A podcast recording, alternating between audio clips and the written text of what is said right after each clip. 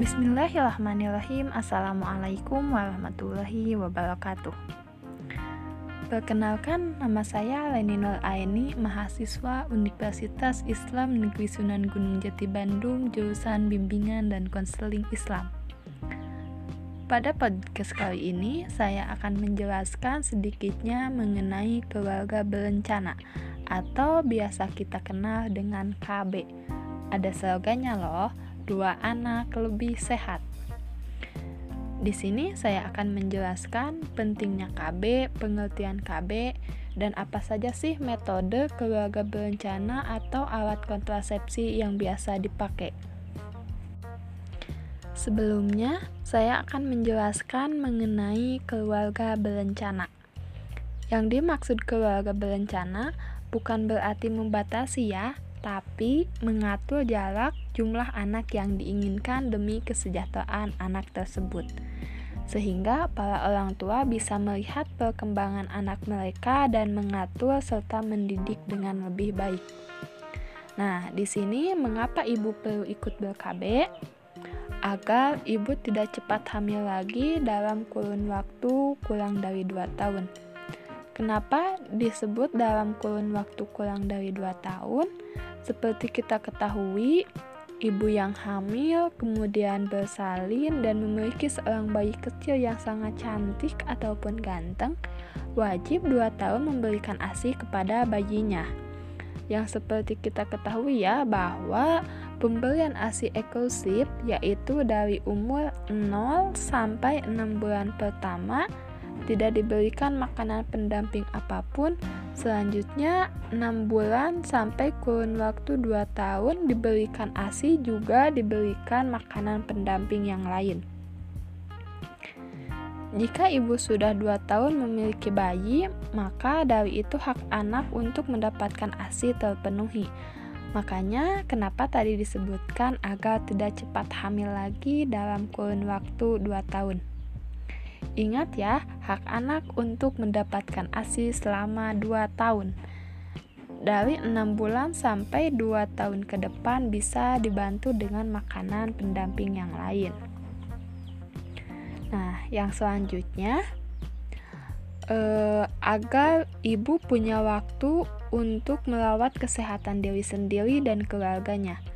Maksudnya di sini adalah ibu dengan jarak kehamilan 2 tahun ibu bisa mengatur bagaimana anak ke depannya. Misalnya, ibu sudah memberikan ASI selama 2 tahun, kemudian ibu mempunyai anak lagi, ibu memberikan hak anak untuk mendapatkan ASI selama 2 tahun sudah terpenuhi. Kemudian, ibu menjalankan kehamilannya kembali, kemudian merancang bagaimana anak bisa sekolah, bagaimana anak bisa belajar dengan baik, tanpa ibu harus tidak fokus pada salah satunya.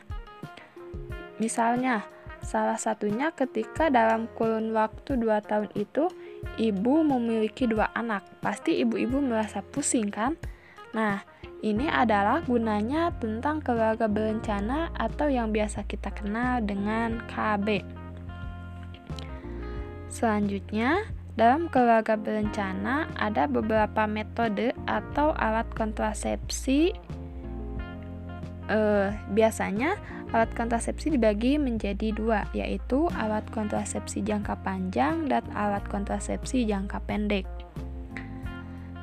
Alat kontrasepsi jangka pendek bisa dipakai hanya 2-3 tahun, sedangkan yang jangka panjang biasanya 5 atau 8 tahun untuk menjalankan usia kehamilannya.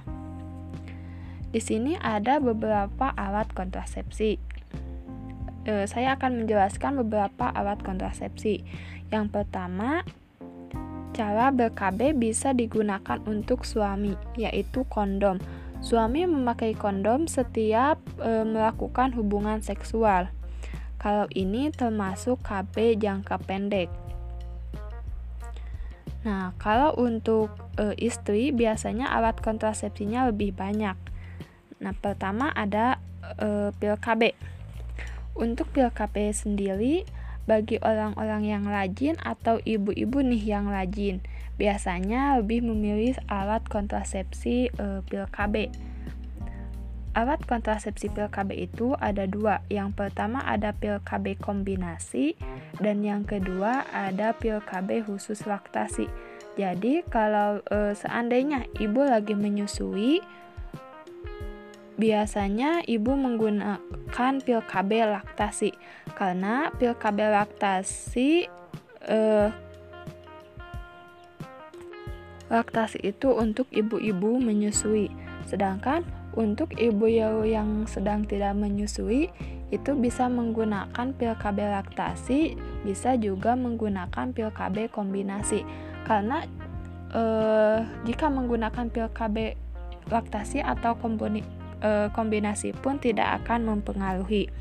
Sedangkan jika ibu yang menyusui memakai eh, pil KB kombinasi itu bisa menghambat proses eh, produksinya ASI.